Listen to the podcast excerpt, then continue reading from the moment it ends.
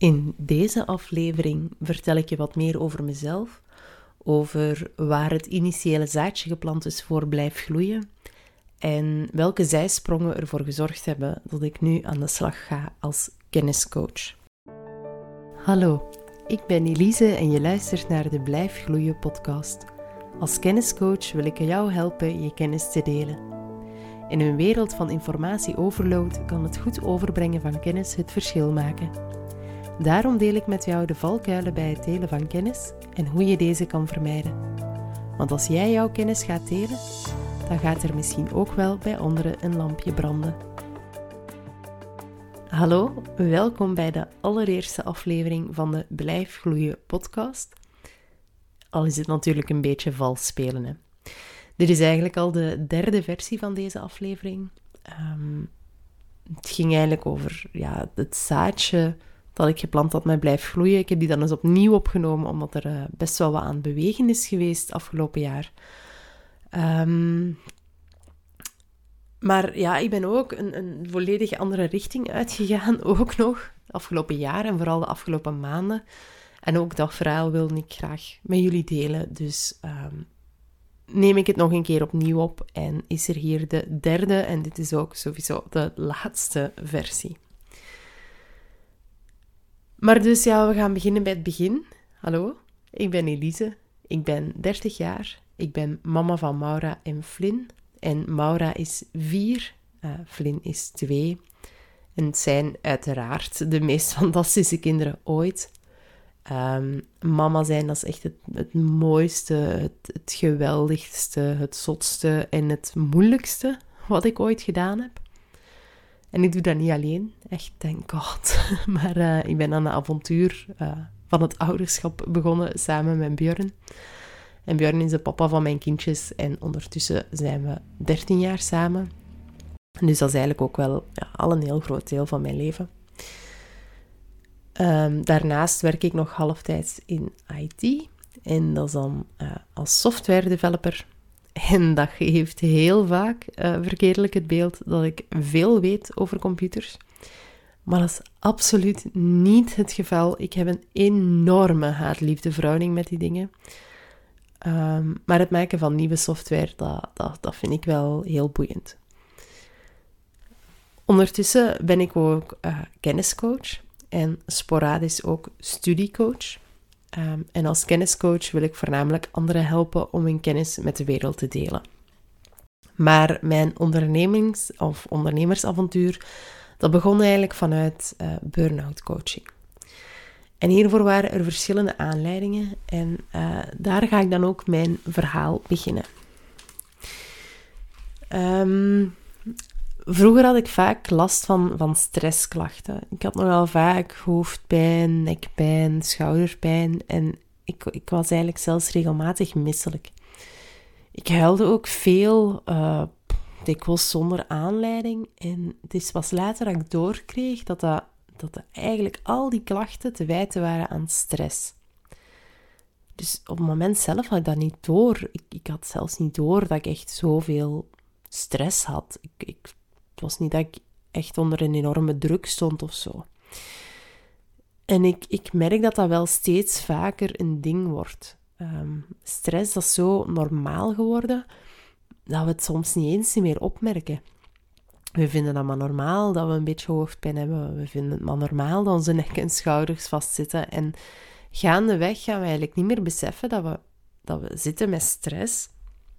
En dat datgene is dat die klachten dan ook veroorzaakt. En dat was wel iets... Ja, daar wilde ik mensen wel bewuster van maken of zo. Omdat dat inzicht mij wel heel veel heeft gebracht. Um, en ik denk ook wel, ja, als andere zouden inzien dat het, uh, dat het niet normaal is om altijd met die ongemakken rond te lopen. Uh, als anderen gaan zien van ja, maar er zijn andere manieren om met die stress om te gaan. Wat, manieren waarop dat ook die stressklachten van u gaan verbeteren. Dan, ja, dan, dan wil ik dat delen met de mensen. Ik wil die mensen die manieren laten zien. En daarnaast merk ik natuurlijk ook ja, dat door, door die uh, constant aanhoudende stress, niet alleen stressklachten zoals hoofdpijn en schouderpijn ontwikkelden, maar dat er ook veel meer mensen in een burn-out terechtkwamen. En ik merkte ook dat, dat, eh, ja, dat niet iedereen daar begrip voor kon opbrengen. Um, een burn-out is voor heel veel mensen moeilijk te begrijpen. Heel veel mensen ja, kunnen er wel lacherig over doen of snappen niet juist wat het inhoudt. Ehm, en daar wilde ik ook wel echt mee aan de slag gaan. Ook omdat ik het gevoel had dat ik daar, uh, dat ik daar iets toe kon bijdragen. En uh, ja, dat gevoel kwam, kwam niet uit het niets. Hè. Het begon allemaal een beetje te spelen. Uh, een tweetal jaar geleden, dat was zo rond de geboorte van Flynn. Want toen ik 39 weken zwanger was. Dus ja, dat, dat is echt het moment van anytime now. Hè. Hij kan er altijd uitkomen. Um, maar dus op 39 weken kwam er COVID in de familie. Um, mijn bomma kreeg het en die is daar echt heel zwaar ziek van geweest. En dat zorgde natuurlijk voor enorme angst, voor enorme spanning. Uh, mijn mama en papa hadden COVID en uh, die waren geveld door, ja, door eigenlijk een stevige griep. Um, maar dat maakte dat wij ook plots heel veel extra geregeld hadden. Want uh, Maura zou daar logeren als, als ik naar het ziekenhuis ging. Maar ja, plots werd dat geen optie niet meer. Plots was er, ja, moest iets anders gaan verzinnen. Want dat, dat, dat lukte niet, dat hij op Maura kon oppassen. Dus dat zorgde voor redelijk wat praktische stress.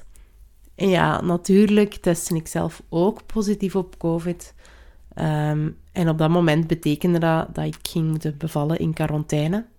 Dus we mochten niet van de kamer af. Er mocht geen bezoek komen. En ja, de echte mentale domper daar was toch wel dat Maura niet op bezoek ging, uh, ging mogen komen. Um, daar had ik het wel heel moeilijk mee, ook omdat het een beetje voelde dat ik haar ging moeten uh, achterlaten. Ja, gelukkig besloot Flynn om dan toch nog maar een paar dagen in mijn buik te blijven zodat dat allemaal een beetje ja, kon plaatsen. En um, daar heb ik wel geluk gehad met een vroedvrouw die, mij, die mij naar gerustgesteld heeft. Die um, gezegd heeft van, ja, maar dat komt wel in orde. Uh, laat Björn meegaan naar het ziekenhuis. Laat hij ook mee daar blijven. Uh, ondertussen hadden we geregeld dat mijn broertje op Maura kon passen. Um, dus daar werd voor gezorgd. Um, ze zei ook van, ja, maar als jij een vlotte bevalling hebt, dan kun jij gewoon dezelfde dag naar huis gaan. Dus, dus dan, dan zijn we maar even weg. Maakt dat, dat komt allemaal wel goed. En ja, alsof dat met wist, kondigde Flynn ongeveer ja, een dag later, 24 uur later of zo, zijn komst staan. En dat werd uiteindelijk nog een uh, spannende en zeer vlotte bevalling. Um, met een race naar het ziekenhuis en zo. Maar uh, ja, dat is, dat een verhaal voor een andere keer. Maar ja, toen was Vlinder was een geweldige baby. Hij dronk goed melk. Uh, hij sliep best goed, voor zover dat, dat kan, voor pasgeboren baby's. Um, na twee dagen was ik voldoende gerecupereerd om ook naar huis te gaan. Ja, de dag zelf lukte niet. Ik was sowieso al om acht uur s'avonds bevallen. Maar ik had ook heel veel uh, bloed verloren tijdens de bevalling, dus daar, moest ik ook nog wel even van bekomen. Maar na twee dagen konden we dan eindelijk naar huis en kon ik Maura gaan voorstellen aan haar broertje. Um, en we hadden een beetje schrik van, ja, die gaat het daar moeilijk mee hebben. He, die was nog nooit zo lang van ons weg geweest, twee nachten van ons weg. En dan komen we thuis en dan is er een baby bij. Maar die schrik die was echt totaal ongegrond. Want het eerste wat ze vroeg toen we thuis kwamen was, ja, waar is Boeleke? Want ze wist dat we een baby mee naar huis zouden brengen. Dus eigenlijk liep dat best wel, wel los. Um, we hebben zelfs best wel genoten van die quarantaineperiode. Want ja, er mocht geen bezoek komen. Dus we zijn echt in onze kokon gekropen met ons vieren. We hebben gewoon een week in de zetel gehangen, films gekeken, spelletjes gespeeld. En, en ondertussen waren mijn ouders ook beter. Uh, aan het einde van de quarantaineperiode werd ook duidelijk dat met mijn bomma alles goed ging komen. Dus alles um, viel wel weer wat op zijn plooi. Nu, natuurlijk was het ook allemaal wel, wel zwaarder dan gehoopt. Uh, want door een slechte ervaring met, met of een minder goede ervaring met kraamhulp bij Maura, hadden we dat nu niet genomen. Want ja, mijn familie kwam toch vaak genoeg langs om eens op Maura te passen of om eten te brengen. Um, ja, en we hadden ook nog huishoudhulp en we, we gingen dat wel geregeld krijgen. Maar ja, doordat iedereen ziek was, dat iedereen, dat wij en andere mensen in quarantaine zaten, dat ja, de huishoudhulp natuurlijk ook niet mocht komen, ja, lukte dat niet. we moesten dus zelf onze plan maar trekken en we moesten zelf dus alles maar, maar regelen. En ja, dat lukte wel, maar ja, het was wel veel lastiger dan we ons op voorzien hadden of dat we gehoopt hadden. En dan was er nog een, een extra klap. Uh, toen Flynn ongeveer een, uh, een maand oud was, uh, dan werd mijn mama zwaar ziek. En voor mij betekende dat echt wel dat mijn backup wegviel. Want we konden normaal regelmatig bij haar gaan eten. Zij paste op Maura als Maura ziek was bijvoorbeeld en niet naar de opvang kon. Of als ik me niet zo goed voelde. Of als de onthaalmoeder ziek was. Of ja, eigenlijk altijd als het dus nodig zou kunnen zijn. En uh, binnen een aantal maanden, een aantal maanden later, zou Maura ook naar school gaan. Uh, mijn mama zou die dan ook van school kunnen gaan halen. Dus we hadden ook zo niks extra voorzien of zo. We hadden alles bedacht met, ah ja, oké, okay, ons mama kan dit allemaal doen, kan dit allemaal regelen.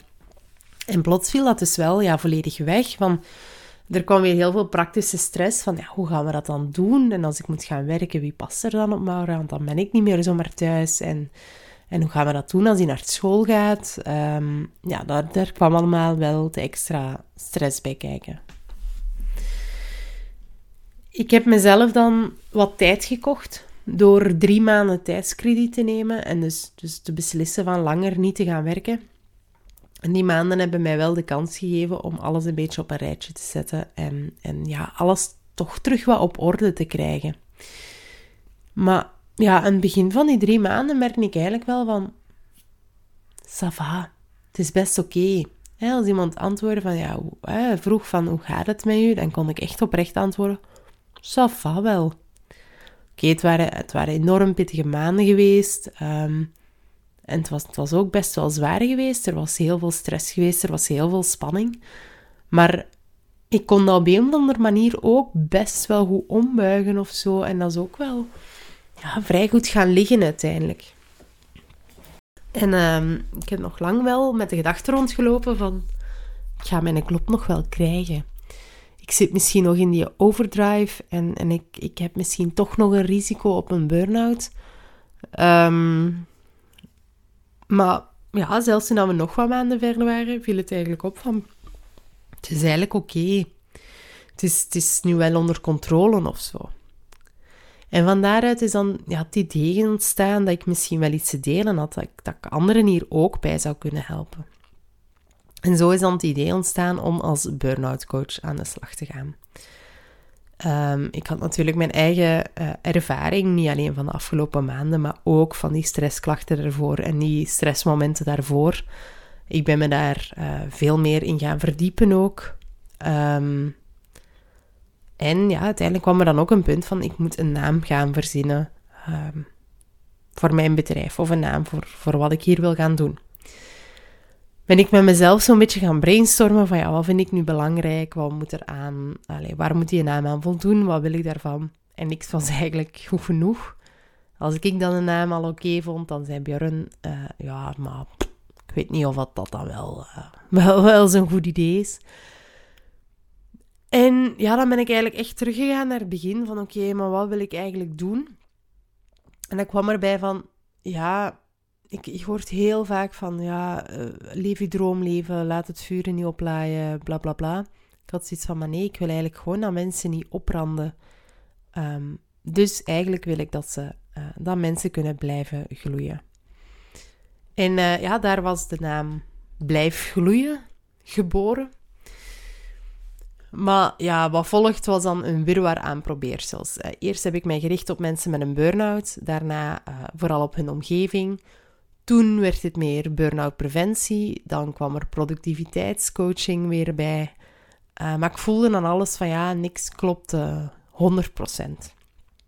Ik bleef ook een beetje met het idee zitten van ja, wat heb ik hier nu aan toe te voegen? Ehm, en ondertussen was ik ook wel een business coaching traject gestart bij Soulworks. Want ik merkte wel van, ja, dat, dat ondernemen, dat spreekt mij echt wel aan. En dat werd een enorm intens traject, waarbij ik mezelf meer dan eens tegengekomen ben. Ehm, maar van daaruit is wel mijn ambitie gegroeid om dan als kenniscoach te starten. Want zo moest ik op zoek naar mijn zone of genius. Uh, datgene dat je heel goed kunt, zonder dat je daar moeite voor hoeft te doen. En vaak zelfs zonder dat je het merkt. En met veel omwegen en bochten kwam het er voor mij een beetje op neer van... Ik kan het eigenlijk wel goed uitleggen. Ik kan heel goed nieuwe dingen leren en ik kan die dingen dan ook weer aan andere mensen leren. Um, ik heb ergens een talent om de juiste vragen te stellen, om dingen terug te kunnen koppelen aan mensen die dan wel expert zijn, die dan wel veel meer weten. En zo kan ik eigenlijk heel snel uh, ja, een deel van die kennis opbouwen, omdat ik die er een beetje uit kan peuteren bij, uh, bij experts. En ik ontdekte ook dat die nieuwe dingen leren en die dan weer gaan delen, dat dat ook een van de leukste zaken was die ik deed als ondernemer zo heb ik bijvoorbeeld een podcastaflevering gemaakt, Burnout en je brein. Um, en daarvoor heb ik me eerst wat meer verdiept in, ja, maar wat gebeurt er eigenlijk in je hoofd bij een burn-out? Um, maar ook van, als productiviteitscoach, ik ging nog meer leren over verschillende productiviteitsmethodes. Ik kende er al wel wat, ik heb daar ook ooit een, eh, een thesis over geschreven. Um, dus ja, ik ging me daar zo terug wat in verdiepen. Ik ging er zo terug wat, wat meer over leren. En dan ging ik het delen bij anderen. En ik merkte dat dat echt... Ja, dat ik dat echt gewoon enorm plezant vond om te doen. Dus ja, zo kwam ik een beetje terecht bij kenniscoach. Uh, er kwam een beetje het besef van dat dat niet vanzelfsprekend is. Ik had de mogelijkheid om um, een, een, ja, een, training of een lezing te volgen, iets van expertise naar opleiding of zo. Um, en ik, ik sprak erover met iemand. En plots zijn die persoon van... Ah, we hadden het erover van... Ah ja, dat is toch interessant. Leuk, leuk. Um, en plots zei die persoon van... Ja, want dat is toch niet zo gemakkelijk. Om, om dan te vertellen wat je weet. Om dan je kennis te gaan delen. En ik, ik dacht echt van... Hoezo is dat, is dat niet zo gemakkelijk? Want voor mij ja, is dat wel vaak heel gemakkelijk om iets om iets te gaan uitleggen. En, maar niet iedereen kan zomaar moeiteloos kennis gaan overdragen. En daar is zelfs een term voor, hè, de vloek van kennis. Het wordt veel lastiger om iets in mensentaal uit te leggen als je er meer over weet, omdat je er zelf zoveel mee bezig bent. Uh, je hebt er al zoveel ervaring in opgebouwd, ja, dan wordt het steeds moeilijker om je voor te stellen dat er iemand is die daar nog niks van weet. En ik voel ook wel dat, dat zo die kenniscoach, die kennisdeling, dat dat iets is waar ik bij dat ik mensen kan helpen. Uh, veel meer dan als burn-out coach, veel meer dan als productiviteitscoach. Omdat ik daar echt wel met het gevoel bleef zitten van, ja, ik kan hier wel iets betekenen, maar er zijn echt wel mensen veel beter dan ik. Terwijl bij kenniscoach, um, er zijn sowieso betere leerkrachten dan ik. Um, er zijn sowieso mensen die daar veel beter geschoold voor zijn dan ik. Um, maar ik heb wel het gevoel dat ik daar iets in kan bijdragen. Want ja, ik, ik kan het goed uitleggen. Ik kan vrij goed hoofd van bijzaak onderscheiden. Uh, ik ben vrij analytisch in mijn denken. Ik, uh, ik kan ook wat zorgen voor wat structuur. Hè. Ik kan ervoor zorgen dat een brok informatie ook wat meer een samengehangend geheel wordt.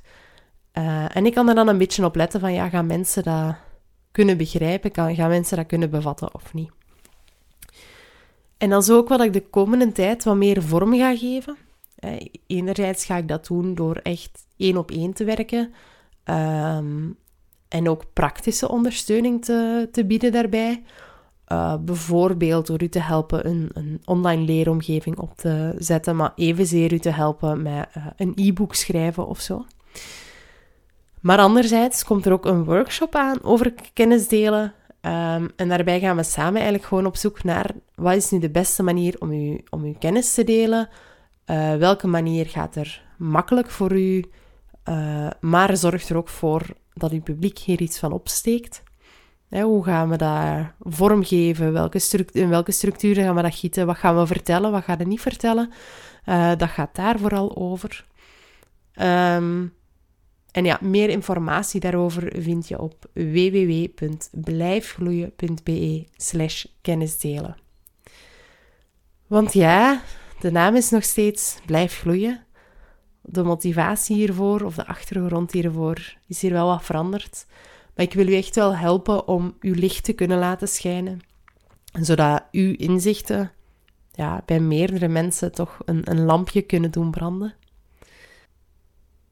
Hé, amai. Ziezo, dat waren ja, de afgelopen gekke twee jaar ongeveer voor mij in, uh, in een notendop.